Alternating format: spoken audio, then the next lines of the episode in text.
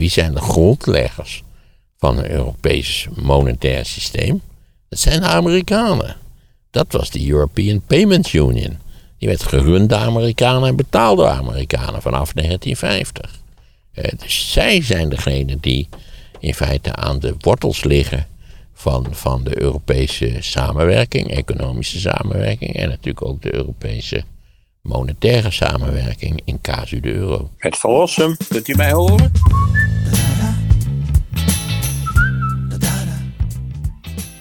Ik kan buiten gaan staan en dan hoor ik je nog.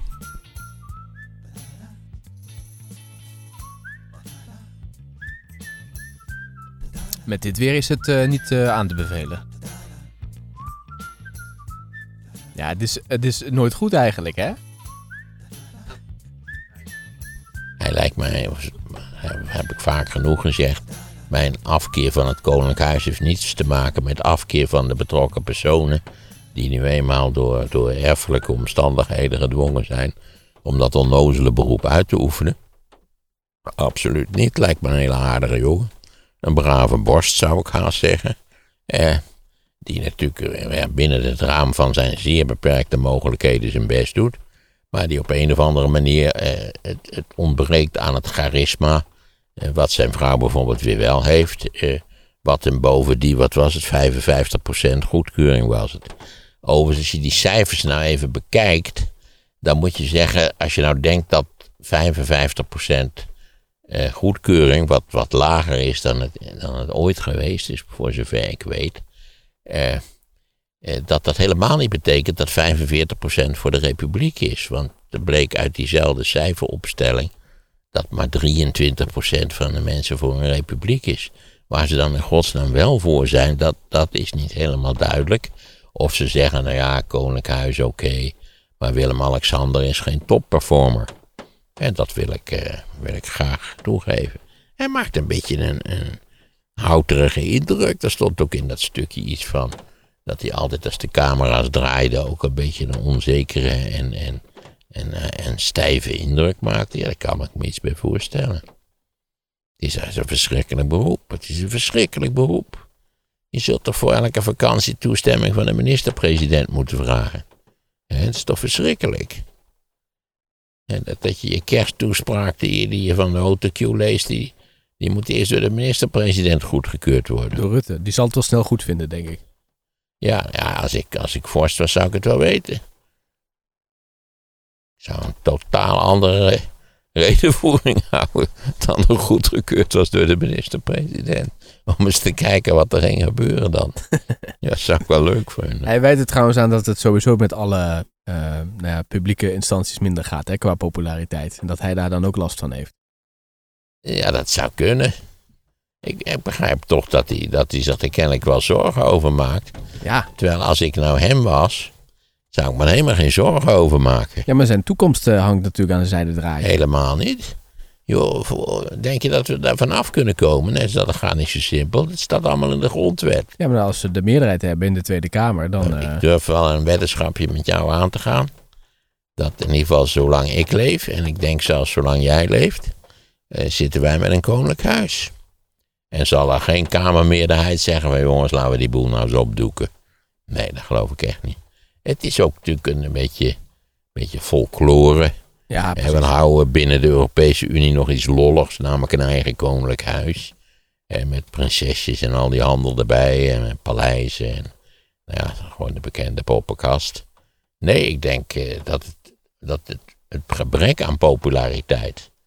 Uh, Beatrix was toch ook al niet, iemand die, niet waar, die, die, die emmers vol met charisma over het land uitstortte, absoluut niet. Eh, dan zei je toch ook vaak, hoe vaak ik niet gehoord heb, dat ze beter directeur van de Shell had kunnen worden dan koningin. Nee, het was natuurlijk Juliana die, die, die wist te scoren met haar, ja, met, met, haar, met haar zichtbare geestelijke hulpeloosheid, zal ik maar zeggen. Ja, de spruitjeskoningin, zo. Ja, die was ongekend populair. Mensen voelen dat aan, dat, dat, dat, nou ja. Hoe dan ook, ik denk dat het zo vaak niet zal lopen. Ik sprak van de week nog een mevrouw die was bij. Ik zou overigens tegen een, een, een sterk polariserend nationaal debat zijn om, om er vanaf te komen. Daar hebben we echt daar hebben we helemaal geen enkele behoefte aan. Ik, bedoel, Nee. ik vind flauwekul, maar we- ik heb er ook geen last van. Hij was ook bij het staatsbezoek hè, met Macron. En ik sprak een vrouw die was daar, die moest zo rond de tafel leiden over kwantumtechnologie. En dat was eerst helemaal in het Frans. Totdat bekend werd dat de koning erbij was en toen moest het wel in het Engels. Want Nou, ik moet je zeggen dat ik begrip heb voor iemand die in het Frans geen eh, uitgebreide technologie, eh, uitgebreide discussie kan voeren over kwantumtechnologie. Dat zou ik ook niet graag doen, eerlijk gezegd. lijkt het jou interessant, kwantumtechnologie? Ja, het lijkt me enorm interessant allemaal. Ik heb er geen klap verstand van. Het schijnt eh, net als... eh, Ik geloof dat ik wel drie boekjes heb gekocht in de afgelopen jaren over kwantummechanica zonder dat ik ze gelezen heb. Ja, daar wordt toch hard aan gewerkt, hè? Quantum Delta Nederland onder andere doet dat. Die hebben ook van dat groeifonds eh, 615 miljoen gekregen. Kijk eens. En ze moeten een soort van... Nederland moet een leidende functie eh, krijgen op eh, dat gebied. Ja, nou laten we eerst eens gewoon een, niet, niet zo leidende functie, maar laten we het eerst eens gewoon goed doen. Ja.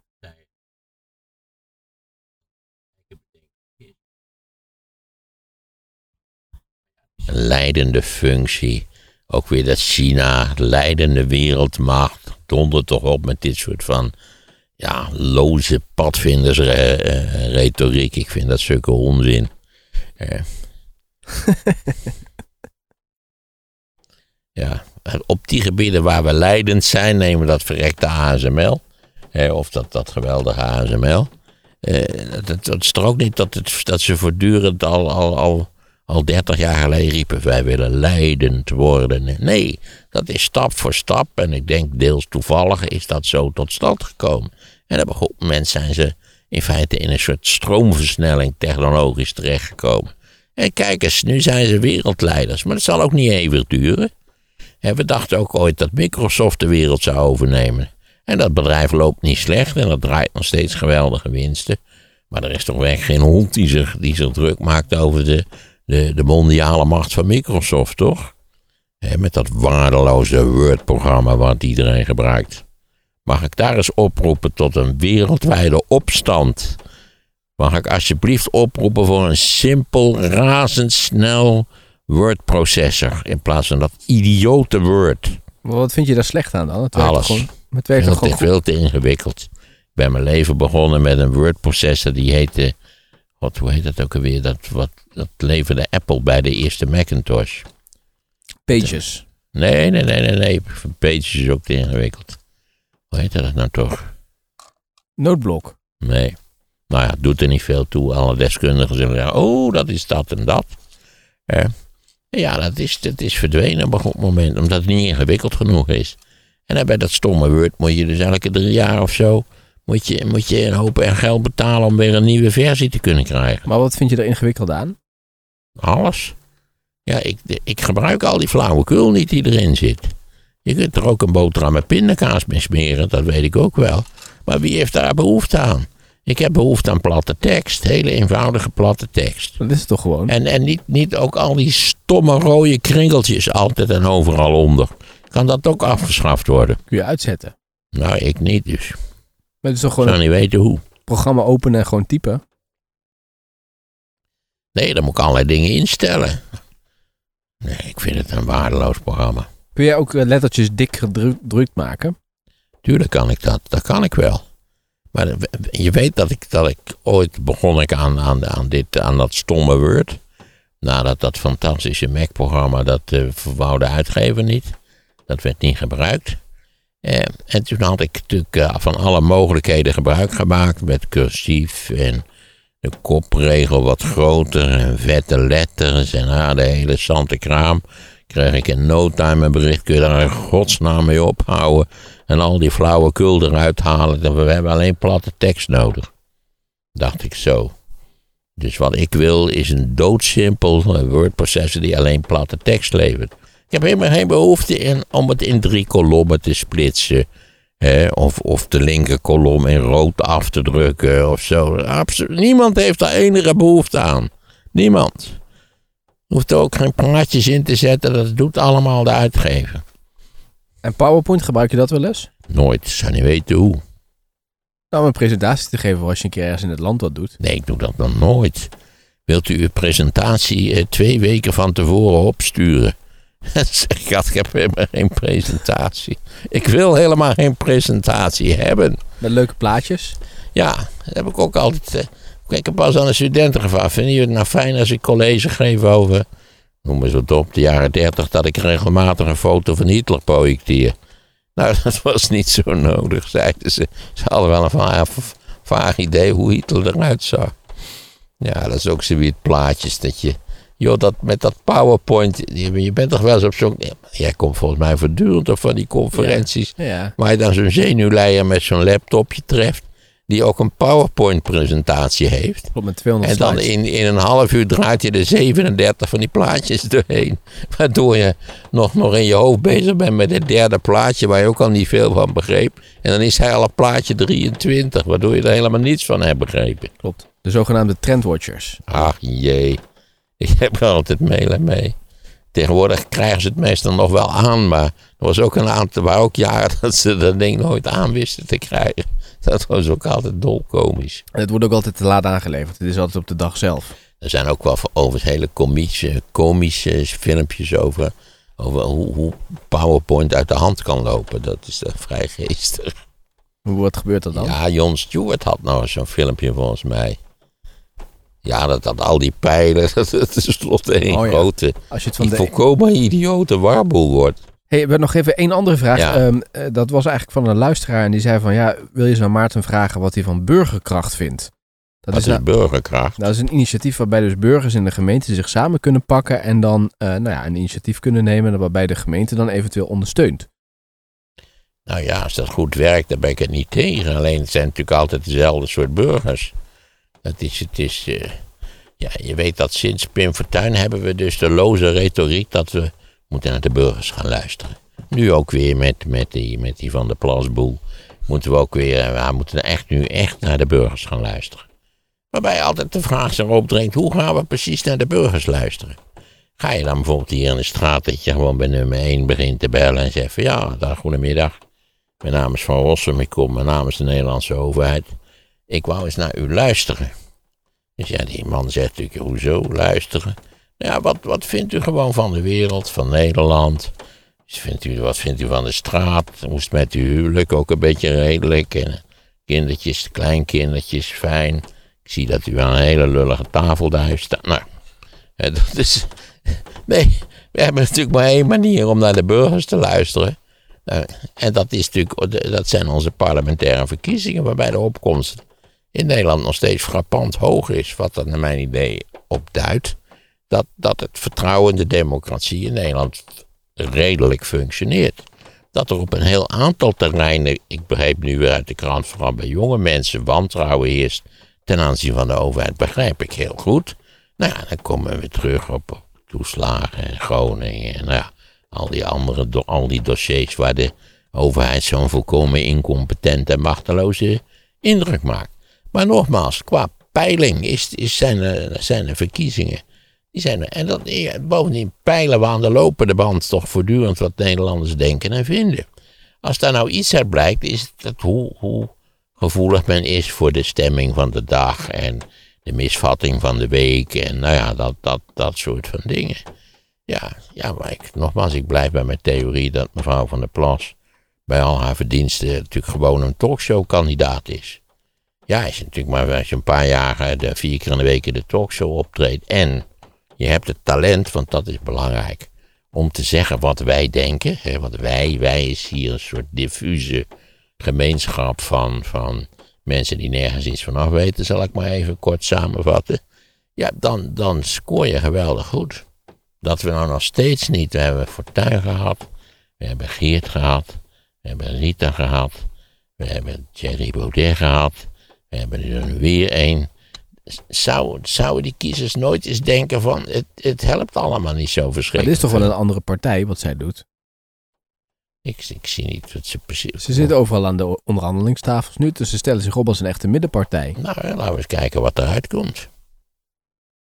Maar dat moeten we nog maar even afwachten. Maar in al die provincies zit de BBB gewoon aan de onderhandelingstafel. ja, nou, dus dus ik juich het van harte toe. het is nog nergens geklapt. Nee, maar goed, eh, eh, ook, ook die, die club van Baudet die is ook eh, in het tal van, van provinciale besturen begonnen. Ja, maar In goed. mijn herinnering heeft dat niet veel opgeleverd. Maar het- er zijn nu coalities in sommige provincies waar zowel de PvdA als de VVD zeggen van wij gaan wel meedoen met de BBB. Nou, prima. Ik juich het van harte toe. Laat ze vooral doen. Dat zie je onder FVD en toch dat niet is alleen te runnen natuurlijk uiteindelijk. En als het puntje bij paaltje komt door concessies te doen.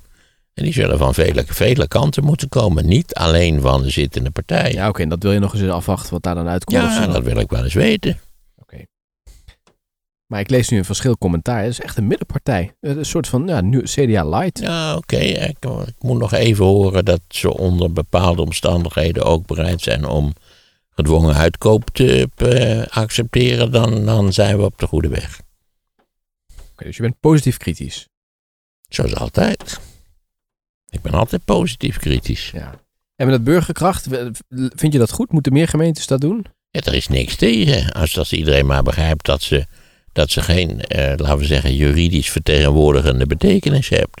En je weet dat wie er altijd in dat soort van clubs zitten, weer allemaal dezelfde mensen die wat gestudeerd hebben. En maatschappelijk geïnteresseerd zijn, maatschappelijk geëngageerd zijn. Dat is het hele probleem. En wat wil je Dat de mensen zeggen? die, die, dus laten we zeggen, geen stem hebben, laten we het even ongehoord Nederland noemen voor het gemak, dat die natuurlijk nooit in dit soort van burgercomité's gaan zitten. Maar die kunnen zich toch ook aanmelden? Die kunnen zich aanmelden, maar hebben daar vaak eh, heel weinig goesting voor. En hoe komt dat? Nou, misschien komen ze één of twee keer en dan blijkt er vergaderd te moeten worden. En dan moet je het woord voeren in de vergadering. En je moet nog in principe wel goed op de hoogte zijn van de kwestie waar het over gaat. Dat kost je tijd. Dat moet je bestuderen. Dan een notaatje of een memo of weet ik veel wat. En dan, nou ja, dan zakt natuurlijk eh, het, het gevoel zakt al vrij snel weg dat je er iets mee te maken wil hebben. Het is heel lastig om alle burgers aan het woord te laten. Eigenlijk kan dat niet. Het, het, de essentie van democratie is dat je uiteindelijk in een situatie bent waarbij je de zittende macht weg kunt jagen. Als je vindt dat ze echt gr- grondig gefaald hebben. Nou, dan, eh, het gekke is, dat hebben we dus nooit gedaan. We zijn enorm ontevreden over. Al jaren zijn we enorm ontevreden en we stemmen steeds op de partij die de dominante politieke partij van Nederland is, namelijk de VVD. Ja. Ik geloof nu voor het eerst scoorde Van der Plas in de peilingen beter dan de VVD. Dus je begrijpt, die VVD, die... Man, man, man, dan lopen die koude rillingen over de rug. Hè, voor het eerst. Niet waar worden ze echt geraakt in de peilingen. Ik hoorde van de week nog wel een interessante analyse over dat debat. Toen zat jij in Wenen, maar toen was het debat hier over de verkiezingsuitslag van die provinciale staten. En iemand zei, er, links heeft toen een, eh, een motie van wantrouwen ingediend tegen het hele kabinet. Die man zei, ze hadden eigenlijk gewoon een motie van wantrouwen tegen één partij, één coalitiepartij moeten indienen. Bijvoorbeeld het CDA, omdat die ja, er nu een grote rommel van maken, want ze willen het openbreken, maar wanneer? Want dan speel je die coalitie een beetje uit elkaar. Ja, als je wil dat de regering verdwijnt, dan moet je dat zeker doen. Ik denk ook dat de linkse partijen niet stonden te trappelen als je ze eerlijk in het hart kijkt om nu verkiezingen te houden. Ik kan me niet voorstellen dat, dat iets wat ook maar raakt aan, laten we zeggen, het Nederlandse politieke establishment van dit moment, dat die zou zeggen van, ja, verkiezingen, dat is de oplossing. Omdat je weet, het lost niks op en bovendien kom je met een enorme klont van ontevreden ruziemakers in de Kamer te zitten. Dus ik weet niet hoe handig dat is. Eh, Rutte zei nu vandaag, gisteren, dat, het, dat, dat, eh, dat hij eh, heel opgewekt was. Dus er waren, er werd stevig onderhandeld in het kabinet. En hij zag wel allerlei. Hij was heel optimistisch gestemd over de deals die ze gingen sluiten. Dus waar ik uit afleid. mm, mm, hij zij zien zelf ook wel de bui hangen. Dat het eh, misschien verstandig is om een jaar of twee te wachten op verkiezingen. En eens te kijken hoe dat eventueel uit zou pakken. Eh, en dat dat in het kabinet ook leeft, deze gedachte. Ja. Ja, want Kaag wil natuurlijk ook lekker door, want die wil haar agenda. Ja, wie, nogmaals, wie wil er nou in godsnaam nu verkiezingen? Nou ja, BBB. De ja, dat begrijp ik ook wel, maar eh, dat kunnen ze heel lastig forceren. Ze hebben uiteindelijk maar één Kamerlid. En nog één vraag over de eh, plannen voor Groningen. En ze krijgen 10 miljard minder dan ze willen. Ja, Nou, ik moet zeggen, ik zal wel tevreden zijn. is de ere schuld. Ja, ik woon hier in Groningen, dus ik heb me er ook niet over opgevonden. Ik heb ook geen scheuren in mijn huis, bij mijn Nee. weten, dus... eh, En ze doen nu eindelijk wat. Ja, ja wacht nou even.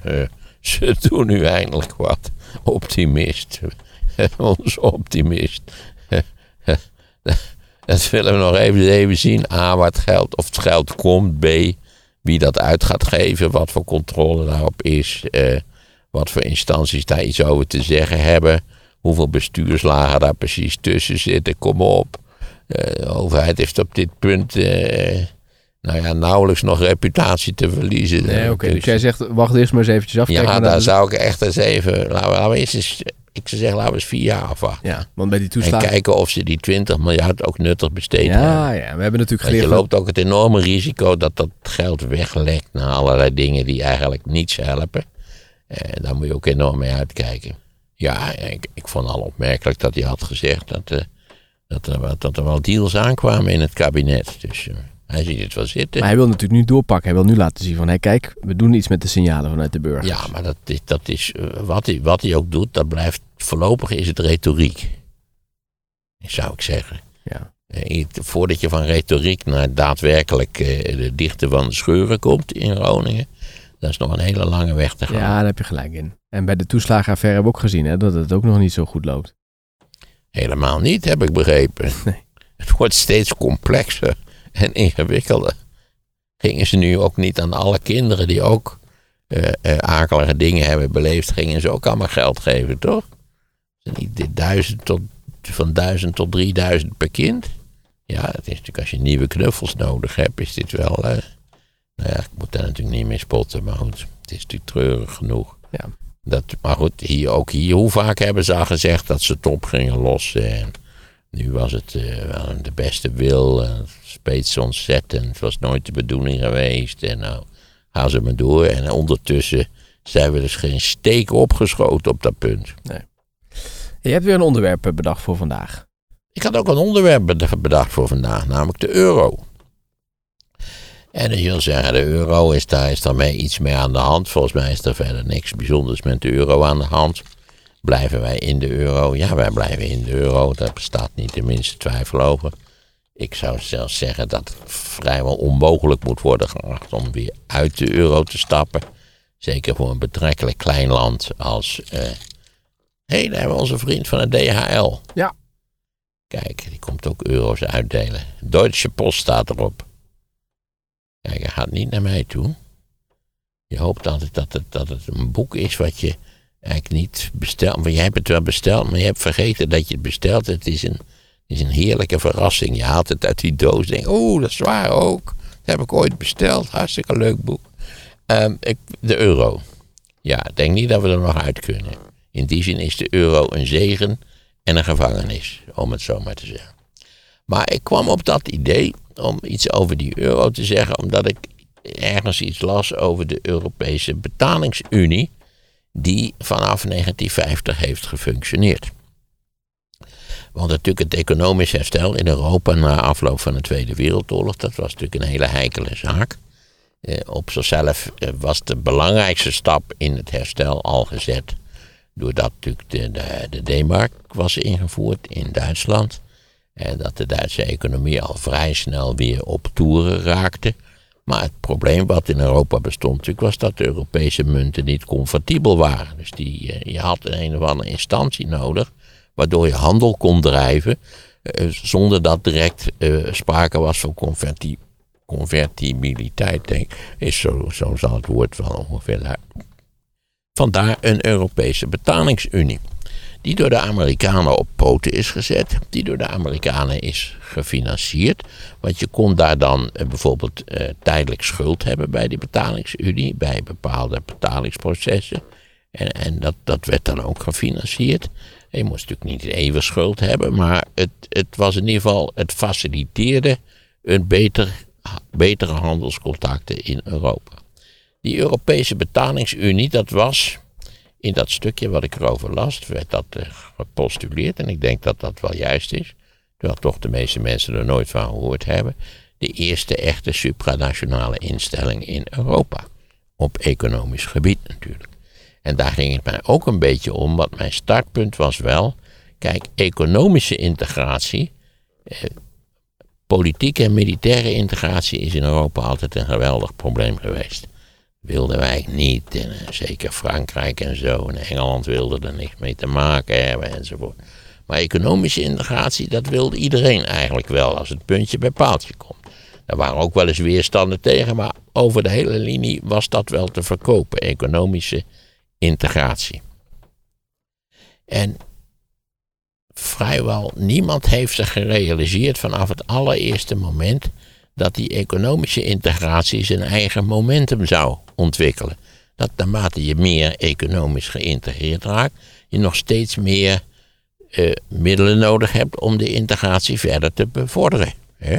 Als, als, je een heel intensief onderling handelsverkeer hebt, dan krijg je ook weer meer behoefte aan regelgeving en, en, en dat minimumeisen, maximumeisen, weet ik veel. Maar goed, al die dingen die inderdaad de Europese Unie in de loop der jaren ontwikkeld heeft. En waarbij je steeds ziet dat er weer verdere eisen worden gesteld aan het economische integratieproces.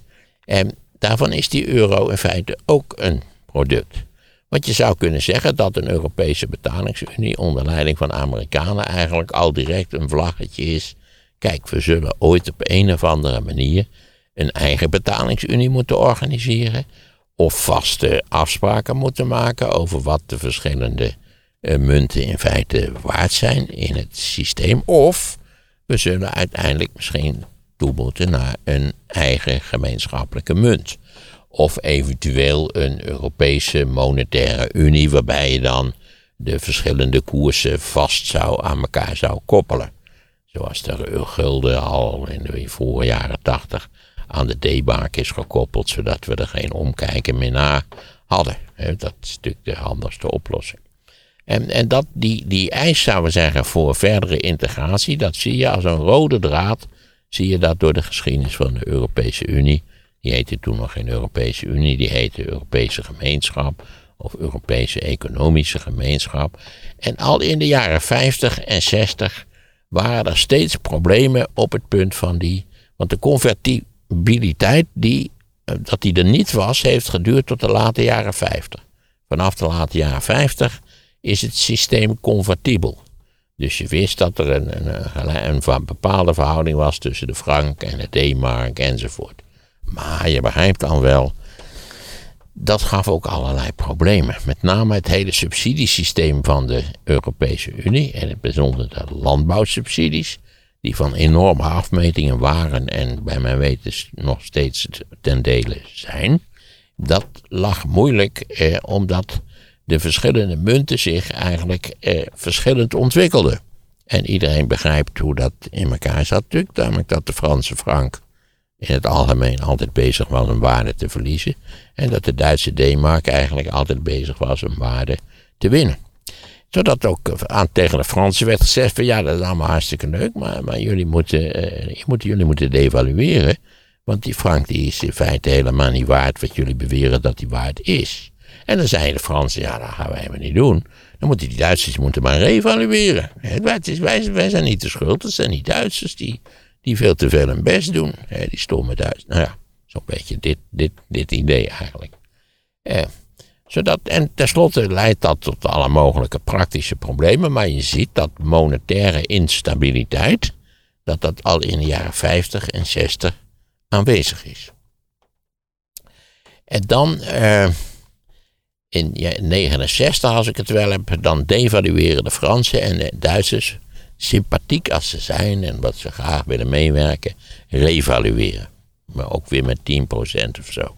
De Duitse mark is na de Tweede Wereldoorlog alsmaar meer waard geworden. Er was een tijd dat de Duitse mark minder waard was dan de gulden. En tenslotte was er een tijd dat de Duitse mark meer waard was dan de gulden. En tenslotte hebben we de gulden er gewoon aan vastgeplakt. Zal ik maar zeggen. Dus dat is, zitten we eind jaren 60 is, het, is, is er een. Maar het probleem van de monetaire instabiliteit, dat bleef in feite bestaan. Met als gevolg dat er een commissie werd benoemd. De commissie Werner. En die commissie Werner, die uh, zijn benoemd in 1969 en die komen met een indrukwekkend rapport in 1970. En die commissie Werner zegt met zoveel woorden wat er moet komen is gewoon een Europees monetair systeem, eventueel een Europese munt. En daar hebben we, dat moet over tien jaar moet dat zijn beslag krijgen. Dus zeg maar zeggen 70, 80. Maar dan eh, steken de Amerikanen een spaak in het wiel omdat Nixon in 71 eh, de dollar loskoppelt van het goud. Wat leidt tot een onmiddellijke devaluatie van de dollar. Nixon zei natuurlijk dat dat niet waar was en dat alle andere landen eigenlijk revalueerden. En dat de, dollar, maar iedereen begreep dat dat leugenachtige kletskoek was. Maar het was het probleem natuurlijk van die, die, loskoppeling. Kijk, de dollar was al die tijd na de Tweede Wereldoorlog, laten we zeggen, het ankerpunt geweest van het internationale monetaire systeem. Wat het eigenlijk natuurlijk nog steeds, nog steeds is, maar goed, dat, dat was toen ook zo. Maar nu gingen de koersen zweven. Daar hadden we helemaal geen ervaring mee met, met zwevende koersen. Dat, die, dat je eigenlijk van dag tot dag kon bepalen wat, wat de munt in principe wat de munt in principe waard was. En dat, dat, dat, ja, dat, dat hele Werner-rapport is daardoor eigenlijk een beetje op de lange baan geschoven, omdat we moesten leren hoe het zat met het zweven. Want het zweven speelde natuurlijk ook in Europa een rol. Zodat ze steeds bezig zijn geweest in de jaren 70 en deels ook in de jaren 80 om, om een, een prettig zweefsysteem te ontwikkelen. Vandaar dat je zulke vreemde dingen had als de slang. De slang betekende bijvoorbeeld dat, dat de Europese mogendheden met elkaar afspraken dat ze de verschillen in, in zwevende koersen eh, naar boven en naar beneden niet meer waarde werden dan bijvoorbeeld x procent. Het was soms anderhalf procent, het is ook wel eens gewoon 4,5 procent geweest. Kortom, dat waren de slang, dat waren zweefafspraken. Je had zelfs geloof ik een, een slang in de slang, maar daar, we zullen het niet ingewikkelder maken dan het noodzakelijkerwijze x. Toch, in de hele jaren 70 eigenlijk raakt de EU, sorry, de EEG eigenlijk sowieso een beetje in, in, in hoe moet je dat zeggen, in stilstand water. Het, het loopt niet geweldig goed en die monetaire instabiliteit, die, eh, die blijft. En, en in feite dat Werner-rapport, dat levert voorlopig niets op. En dan besluiten Giscard en Schmidt, die, die toen eh, Frankrijk en Duitsland leidden, die besluiten om dan gezamenlijk maar een voorstel te doen voor een Europees monetair systeem. En dat hebben ze ook gedaan en dat heeft ook wel een beetje gefunctioneerd, maar het probleem bleef in feite bestaan. En uiteindelijk is dit probleem, zoals we alle weten, pas opgelost. Nogmaals, dus steeds is het probleem dat onze economische integratie eigenlijk voorloopt op, op de monetaire integratie dat iedereen wel begrijpt dat er iets aan gedaan moet worden. Dat kan met die zwevende koers zoveel en weinig. En je kan, er zijn allerlei systemen verzonnen. Al die systemen liepen tenslotte altijd dood. Meestal kwam het er eigenlijk op neer dat, dat het, enige stabiele element de Duitse mark was. En die munten die aan de Duitse mark gekoppeld zaten. Uiteindelijk, we kunnen iets op de, op de de zaken vooruitlopen, is de euro natuurlijk een soort van verkapte Duitse markt. Laten we eerlijk zijn. Zo is het natuurlijk wel een beetje. Uh, maar goed, uh, ondertussen zitten we nog steeds met monetaire instabiliteit. En dan om, uh, eigenlijk wordt, wordt een nieuwe voorzitter benoemd van de Europese Commissie om het, het nou niet het zinkende schip, maar het stilliggende schip vlot te trekken. En dat is Jacques Delors. En die komt dan met die Single European Act, eh, waarvan de ondertekening nog een enorme heisa geweest is. Hoe heet het? Uh, referenda aan Denemarken, een vervelend klotenlandje, gehouden worden. Uh, enzovoort, enzovoort. Maar tenslotte is het door iedereen ondertekend. Jacques Delors trekt in zekere zin de Europese gemeenschap lot. En dan gebeurt er natuurlijk iets uitzonderlijks. Want Gorbachev komt aan de macht. En bovendien, Duitsland kan zich herenigen. En eigenlijk is dat dan de, de, de impuls die ervoor zorgt dat er in dat proces van op weg naar een eigen munt, of een echte Europese monetaire samenwerking, zo kun je het in als je het wil in feite ook noemen, niet waar, plotseling schot komt. Want de Duitsers, eh, bij monden van, van ik geloof, eh, weet hij, Genscher en, en Kool, die zeggen ja, wij willen wel in de richting van een gemeenschappelijke munt. En feitelijk is al in de, in de zomer van 89 besloten om een Europese munt te maken. Daar komt nog bij dat de Fransen zeiden ja, wij willen wel die hereniging van Duitsland, dat willen wij eventueel wel accepteren. Maar dan willen wij wel wat meer greep hebben op de D-mark.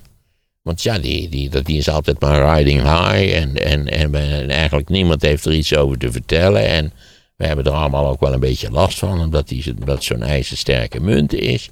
Dus in feite zei uh, Mitterrand, oké, ik, ben bereid het te doen. Uh, althans, uh, toe te stemmen in de hereniging van Duitsland. Ik denk dat het anders ook al was gebeurd, maar goed. mits, mits, wij een, mits er een Europese munt komt, waar wij ook iets over te vertellen hebben.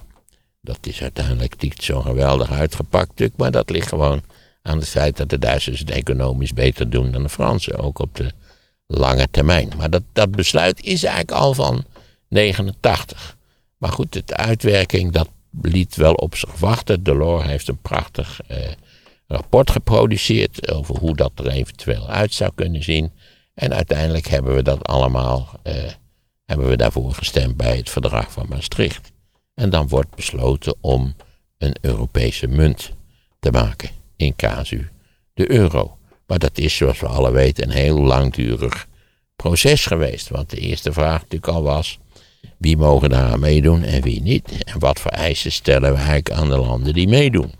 En er waren diverse eh, landen uit Noordwest-Europa. Nederland is daar een prachtig voorbeeld van. En eh, gek genoeg, Kool was ervoor, omdat Kool bang was dat de hereniging van Duitsland dat dat sterke anti-Duitse sentimenten zou creëren in Europa. En hij wilde dat zoveel mogelijk appeaseren door Duitsland zo stevig en zichtbaar mogelijk te verankeren in, in de Europese samenwerking. Nou ja, wat was een mooier anker in principe dan bijvoorbeeld één gemeenschappelijke munt. Maar de, de Duitse bank was daar helemaal niet voor en heel veel eh, Duitse economen waren er ook niet voor. Laten we niet vergeten dat de AFD, tegenwoordig een semi-fascistoïde clubje zoals je weet, maar de AFD is begonnen, alternatieven voor Duitsland, opgericht door een hoogleraar die zei, wij moeten uit die euro. Want die euro, dat is voor Duitsland een belemmering. Want er komen allerlei zwakke broeders in en dat, dat moeten we absoluut niet hebben. Um, zo is het ook de discussie ook wel enigszins gegaan. Want in Nederland had je Zalm natuurlijk. En Zalm zei ja, uh, wat moet Italië in godsnaam in, in, in een dergelijk eh, monetair samenwerkingsverband? Die luisteren financieel voor geen cent te vertrouwen. Dat is een grote puinzooi. En nou ja, die lieren die, die, die is ook nogal bewegelijk in, in, in, naar, naar onderen toe, zou ik maar zeggen. En, en we wisten nog niet heel groot de chaos in Griekenland eigenlijk was. En Iedereen begreep dat ook, ook, nou ja.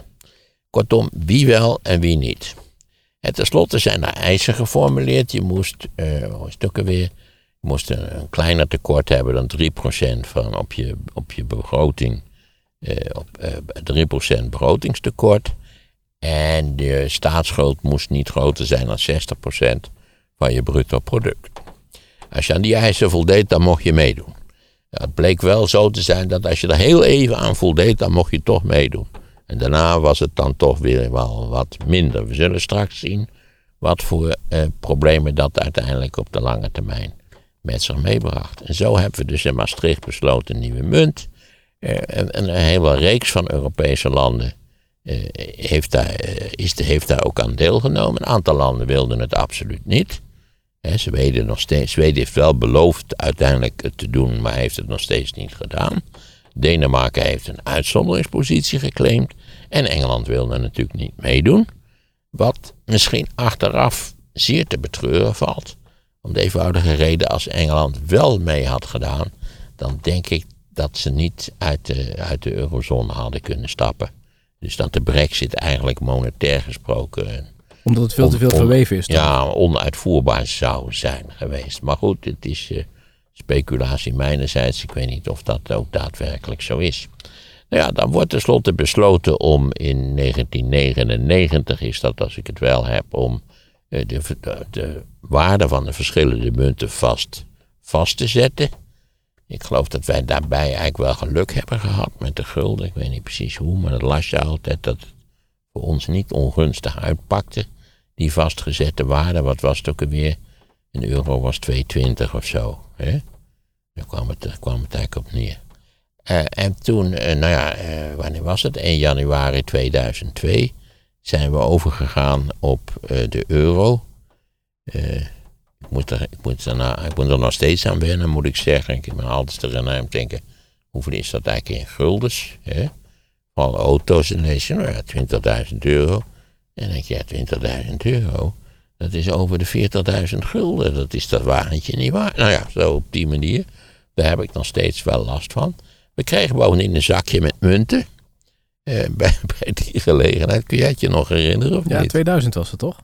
Eh, nee, dit was 2002. In januari oh, 2002. Ja, En eens kwamen de euro's uit de, Want eh, al die tijd was de euro al digitaal aanwezig. Die werd wel gebruikt in, in officiële berekeningen en zo. Maar wij hadden nog geen euro's. Die kregen we pas. bij de ingang van het nieuwe jaar kon je het uit de bank trekken. Hè? Dan kwamen ze uit. De... Ja, zeker. Dat zal 1 januari van het tweede jaar 2002 zal dat geweest zijn, neem ik aan. Maar wat nu nog te gebeuren staat natuurlijk, is, of liefst, ik heb eigenlijk eh, tot nu toe de luisteraars enigszins misleid. Door de suggestie te wekken dat eigenlijk alleen, dat wij alleen gestuurd werden in dit hele proces door de, door de noodzakelijke oplossing van monetaire instabiliteit. Die er inderdaad over al die jaren was geweest en die enorm onhandig was en uh, ook bij die subsidies weer een onhandige zaak was. Maar ik heb eigenlijk de suggestie gewekt dat Kool en zijn konuiten die keuze hebben gemaakt, wij doen dat. Uh, vanwege de monetaire instabiliteit, maar daar had het natuurlijk niks mee te maken. De keuze van Duitsland om mee te doen aan de euro was een politieke keuze. Als je zo je wilt, een politiek historische keuze. wij, wij willen zoveel mogelijk demonstreren dat wij, ook als Duitsland natuurlijk, want Duitsland was plotseling een stuk groter geworden. Qua, qua, qua territorie 40% geloof ik, qua bevolking iets van 23%. Dus, dus nou ja, je weet hoe Thatcher, oeh, god de god, daar zijn die Duitsers weer. Hè? Voordat je het weet gaan ze weer Messerschmitts bouwen en dan zijn we, nou ja, eh, allemaal een beetje kletskoek, maar eh, om, om want ook, ook, ook Lubbers bijvoorbeeld heeft, heeft zijn verdere internationale carrière natuurlijk ook, ook beschadigd door te zeggen dat hij ook misschien dat we eens even moesten wachten en dan niet zo 1, 2, 3. En Wacht op de euro. Nee, die hereniging, eh, die hereniging van Duitsland. Dus ja, het, het, het was een combinatie. Wat tenslotte de doorslag heeft gegeven, was een combinatie van monetaire instabiliteit die er al decennia was. En de plotselinge Duitse wil om te zeggen: ja, wij willen dat wel doen. Dat Kool dat als kanselier kon zeggen, terwijl hij de Duitse bank er niks in zag. Daar kwam het eigenlijk op neer. Maar goed, zo, zo is het gegaan. Maar ondertussen hadden we dus een eurosysteem waarin ook wel wat zwakke broeders zaten. En toen kwam plotseling natuurlijk de, de schuldencrisis, de crisis, de economische crisis van 2007, 2008. En eerst hadden we het niet zo in het snotje, maar na enige tijd werd wel duidelijk dat die, dat die euro eigenlijk in het hele Europese financieringssysteem allerlei rotte plekken had veroorzaakt. Eh, nou ja, in ieder geval werd duidelijk, eh, zoals gewoonlijk was Griekenland de eerste natuurlijk die voor de bijl ging dat het, het begrotingstekort in Griekenland was niet wat ze beweerden dat het was. Maar het was in werkelijkheid, ik geloof, 15% of zo. Het was, het was dramatisch. Maar een aantal van de zwakke broeders in Europa, Griekenland, Portugal, nou, Spanje, de bekende, de bekende gevallen was Spanje, valt geloof ik nogal mee. Die hadden eigenlijk, toen die euro er eenmaal was, konden ze relatief goedkoop geld lenen. Terwijl ze vroeger natuurlijk flink moesten betalen omdat ze sowieso als, als partners werden gezien, hadden ze nu kunnen lenen voor, voor rentepercentages die, waarvoor Nederland en Duitsland leenden. En ze hadden dus in feite veel te veel geld geleend. En tegelijkertijd waren hun, hun staats, hun, hun, hun overheidsobligaties opgekocht door allerlei Europese banken. Dus in deze ontstond een eurocrisis van hoe, hoe is het, wat gaan we hiermee doen? Wat, wat als, als een, een, land als Griekenland failliet gaat, dan vergooi je Griekenland eruit. Dat betekent dat al die banken die Grieks staatspapier in voorraad hebben liggen in de kelder, dat die volledig te klos zijn. Ik geloof dat Franse banken voor miljarden eh, Grieks staatspapier hadden gekocht. En datzelfde probleem speelde ook dus voor een aantal andere landen. En dan krijgen we dat fantastische toneelstuk dat er elke twee weken in Brussel werd vergaderd. Met Dijsselbloem, hè? Ja, met Dijsselbloem en, en al die andere lui. Ja, dan hoor je tenslotte de burgemeester van Eindhoven. Dat is natuurlijk wel... Eh, eerst, eerst spelen een wereldrol op het wereldtoneel en dan word je burgemeester van Eindhoven. Hij Het komt daar vandaan, hè? Oh, hij komt uit Eindhoven. Ja, volgens mij wel, ja. Ja, nou ja, ik moet zeggen dat ik ook best burgemeester van Wageningen had willen worden. Als ze het me gevraagd hadden. Het kan Dat- nog steeds. dat- nee, dat kan niet meer. Als dan moeten ze me eerst vragen. Bovendien hebben ze een hele aardige VVD-burgemeester die ik laatst ontmoet heb. Dus, eh, het hoeft niet zo meer. Maar dat, ik had het eh 30 jaar geleden wel leuk gevonden. Ja, dus er moest alsmaar vergaderd worden.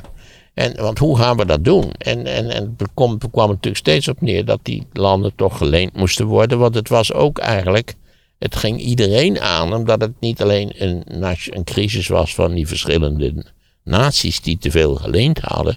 Het was ook een crisis van de banken die al dat staatspapier hadden gekocht of hadden aangeschaft. Eh, dus het was de, de, de kredietcrisis was eigenlijk een bankencrisis in allerlei opzichten. Dus de Europese naties hadden er allemaal belang bij dat het geregeld zou worden. Nou ja, hebben ze eindeloos elke twee weken waren de vergadering, kan maar ik herinner me nog. En dan stond steeds in de krant, als het nu niks besluit, dan als het nu niet, dan, dan, zal, zal de euro instorten. En je had natuurlijk tal van economen die zeiden, ja, die euro, een hopeloze zaak, dat kan niet, dat kan niet duren. Die euro die gaat tenslotte, die klapt weer uit elkaar. Want al dit soort van gemeenschappelijke munten zijn in de loop der jaren, in de, ook in de 19e eeuw, uit elkaar geklapt. Dus dit kan niet duren. En het heeft natuurlijk wel geduurd. Want tenslotte tuigt de, de Europese Unie, die tuigt allerlei garantiesystemen op. Die tenslotte ook een definitief karakter hebben gekregen. De Duitsers en zeker ook de Nederlanders waren er steeds falikant tegen dat de Europese Unie zelf geld zou kunnen lenen. Ook daar zijn ze tenslotte, niet waar vanwege de COVID-crisis, door de poort gegaan. Toen mocht de EU wel zelf geld lenen en daarmee is natuurlijk ook een deur opengezet die ongetwijfeld in de toekomst open zal blijven staan. Maar, dus de euro is een product van een decennia durende monetaire instabiliteit. En tegelijkertijd, en daarom zaten al die economen er totaal naast, omdat ze niets begrepen van de geschiedenis en de problemen waar een land als Duitsland nu eenmaal mee te maken heeft. Namelijk van een loodzware historische last. En, en dat wij toch allemaal nog altijd een beetje, zijn er een beetje scheef naar Duitsland te kijken. Je weet het met die Duitsers. Totaal niet meer nodig, naar mijn idee. Maar dat idee. Dus de euro is toch een product van die, laten we zeggen, die dwang om, om eh, steeds verder te integreren. Dat zal ook, naar mijn idee, zo blijven. Maar het is ook een product, niet waar, van de Duitse beslissing om wij doen mee. We hoeven helemaal niet mee te doen. We hebben de sterkste munt. Waarom zouden we eigenlijk? En om toch mee te doen, om te laten zien dat ze daadwerkelijk tot Europa behoren. En dat natuurlijk, eh, kijk, eigenlijk kon elk verstandig mens weten dat de eurocrisis nooit zou leiden tot een, tot een uit elkaar klappen van, van het eurosysteem. Om de eenvoudige reden dat Frankrijk en Duitsland er alles aan gelegen was om dat niet te laten gebeuren. Omdat ze wisten dat als je de euro laat klappen, dan laat je ook de EU klappen. Kortom, we zitten met de euro en we zijn best tevreden met de euro. Qua, qua waarde doet hij het ook in feite heel aardig. Als totaal de hele Europese Unie heeft een, een overschot eigenlijk als je, als je het als één betalingsbalans ziet. Maar het is dus zowel een, hoe zal ik het zeggen, het heeft een morele achtergrond en het heeft een dwingende economische achtergrond. Dat is de euro. Wees blij met de euro, zou ik zeggen. In Griekenland gaat het nu weer heel goed. En in Griekenland gaat het geweldig, ja. Ja, je ziet dat ze eenmaal, als, als de pijn eenmaal geleden is, dan eh, heb je vaak dat zo'n zo'n economie als, eh, nou ja, een beetje zoals die bloemen in de woestijn, weet je wel. Eerst is het een dorre boel en dan krijg je één regenbuitje aan baf, zeg. Dan knallen die, die, die, die, die, bloemen plotseling uit de dorre grond. Wat vonden de Amerikanen eigenlijk van de plannen van de euro? Nou, ik begreep dat, eh, dat Nixon daar niet, niks mee had eigenlijk. En, en je weet dat Trump van mening is dat, dat heel de Europese Unie en de euro eigenlijk systemen zijn om Amerika zoveel mogelijk te blazen als mogelijk is. Dat, dat, ja, dat is natuurlijk volstrekte onzin. Eh, eh, ah, voor dit hele verhaal geldt, wie zijn de grondleggers van een Europees monetair systeem? Dat zijn de Amerikanen. Dat was de European Payments Union. Die werd gerund door Amerikanen en betaald door Amerikanen vanaf 1950. Eh, dus zij zijn degene die in feite aan de wortels liggen van, van de Europese samenwerking, economische samenwerking en natuurlijk ook de Europese monetaire samenwerking in casu de euro. Zo kun je het althans kun je het duiden. Zullen ze nu anders over denken dan in 1950, maar zo kun je het duiden. Maar was het voor hen zelf nou gunstig of ongunstig dat er één... Nou, voor hen zelf maakt het niet veel uit. Omdat natuurlijk de, de, de dollar na allerlei zweverij en, en, en rare, heel duur... In rekentijd is die tijdje hartstikke duur geweest. Net toen mijn dochter in Amerika ging studeren, werd die plotseling 3,90 gulden, als ik het me vagelijk herinner. Eh, maar ja, de dollar is natuurlijk nog steeds eh, ook belangrijker in het internationale financiële verkeer dan de euro. Ja. De euro speelt daar ook wel een rol, maar toch een ondergeschikte rol. En ben je nog ook zo iemand die uh, sentimenteel is uh, over de gulden? Dat, uh, dat die zei, dus mooiere, mooiere biljetten, die munten. Ja, de, dat, de biljetten waren absoluut mooier. Ik, ik zou, als euro, stel dat ik Europarlementslid was, dan zou ik aan, over, over zijn alle eurobiljetten recent natuurlijk vernieuwd en ingewikkelder geworden. Je kunt ze niet zo makkelijk meer namaken en zo. En je weet natuurlijk dat dat idiote gedoe. Dat, dat wij in, in, in, in Nederland hebben alleen maar de 50 euro nemen wij serieus. Hè? 100, 200 euro, dat denken oeh, dat is een oplichters. Hè? Dat kan niet kloppen. Die dingen zijn clandestien gedrukt in Letland, dat kan niet aan. Nou ja, dat is allemaal onzin natuurlijk. Want in, in, in Oostenrijk is het gewoon weer heel anders. Dus wat dat betreft zie je dat er ook allerlei rare sentimentele kwesties daarbij een rol spelen. Maar onze biljetten waren veel mooier dan de eurobiljetten. Dus ik zou er erg voor zijn dat bij een nieuwe ronde van vernieuwing van de biljetten, dat we nou eens iets anders doen dan die, dan die vervelende dingen die er nu op staan. Ja, en het heeft ons als Nederland misschien ook wel nog meer welvaart gebracht. Zeker, zeker. Zoals de hele Europese Unie natuurlijk ons relatief uh, meer welvaart heeft gebracht. Ja. Zit nu te denken, grappig dat je dus door iets wat je dagelijks gebruikt, dat, toch, dat, dat staat eigenlijk symbool voor die samenhang. Hè? Ja, elke euro die je in de portemonnee hebt zitten, is, is een symbool van een intensieve en steeds intensiever wordende Europese samenwerking.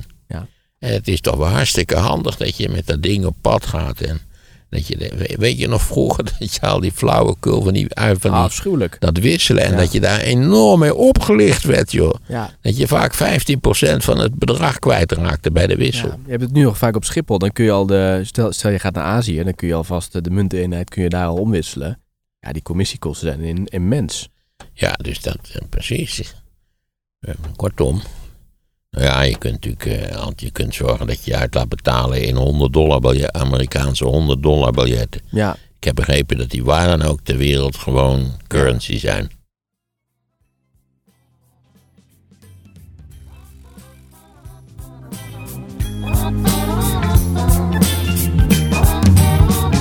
Hoe dan ook, ik denk dat het zo vaart niet zal lopen. Kijk eens even naar Obama in 2008. Geniet op vakantie van een nieuw luisterboek. Dan zult u zien wat een spectaculaire verkiezingsoverwinning dat feitelijk was. Maarten van Rossum over de Amerikaanse presidentsverkiezingen. In de popular vote al 10 miljoen stemmen meer dan John McCain. Die natuurlijk ook in feite een bejaarde was. Die een volledig malle vrouw op sleeptouw had. Het linkje naar het luisterboek staat in de beschrijving van deze podcast. En wil je nog een podcast luisteren? Luister dan nu naar de nieuwste aflevering van Sea Level. Met deze keer Wouter Kolk, de baas van Ahold Delhaize. Verantwoordelijk voor onder andere Albert Heijn en Bol.com. De link vind je in de show notes.